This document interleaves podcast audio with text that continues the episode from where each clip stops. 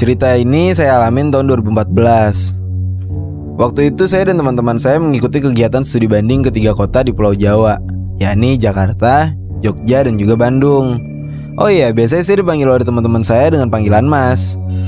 Di Hotel Jakarta, kami berempat mendapatkan kamar dengan nomor 212.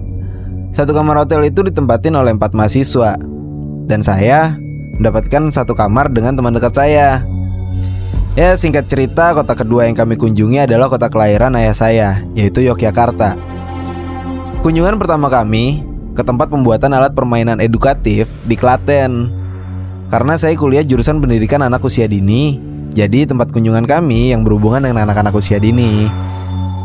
Kami tiba di Klaten pukul 10.30 Dan pukul 1 siang rombongan makan siang di Klaten dekat rel kereta api.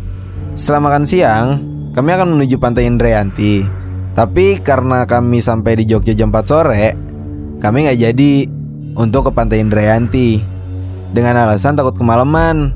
Jadi diputusin uh, kami jalan langsung ke Pantai Parangtritis. Pas jam 5 sore, kami sampai di Pantai Parangtritis.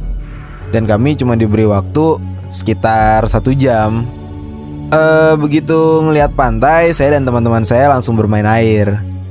Jujur waktu di pantai, Nggak nyampe 10 orang lah Rombongan saya itu. Ya saya kira nggak masalah. Baru beberapa saat kami bermain Dosen kami pun memanggil. Katanya untuk melanjutkan perjalanan. Kami nggak sempat ganti baju. Jadi ya di bis kita dengan baju-baju basah kita. Hehe.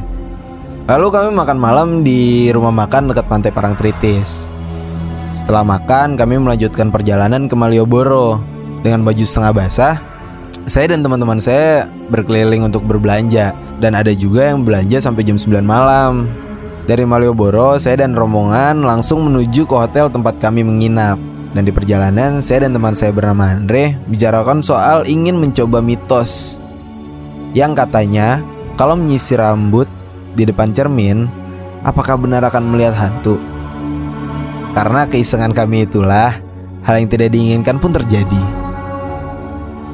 Sesampainya di hotel, saya dan beberapa teman yang lain langsung menyerbu panitia yang mengurus soal kamar. Saya pun dan teman saya berebut mencari kamar hotel yang nyaman.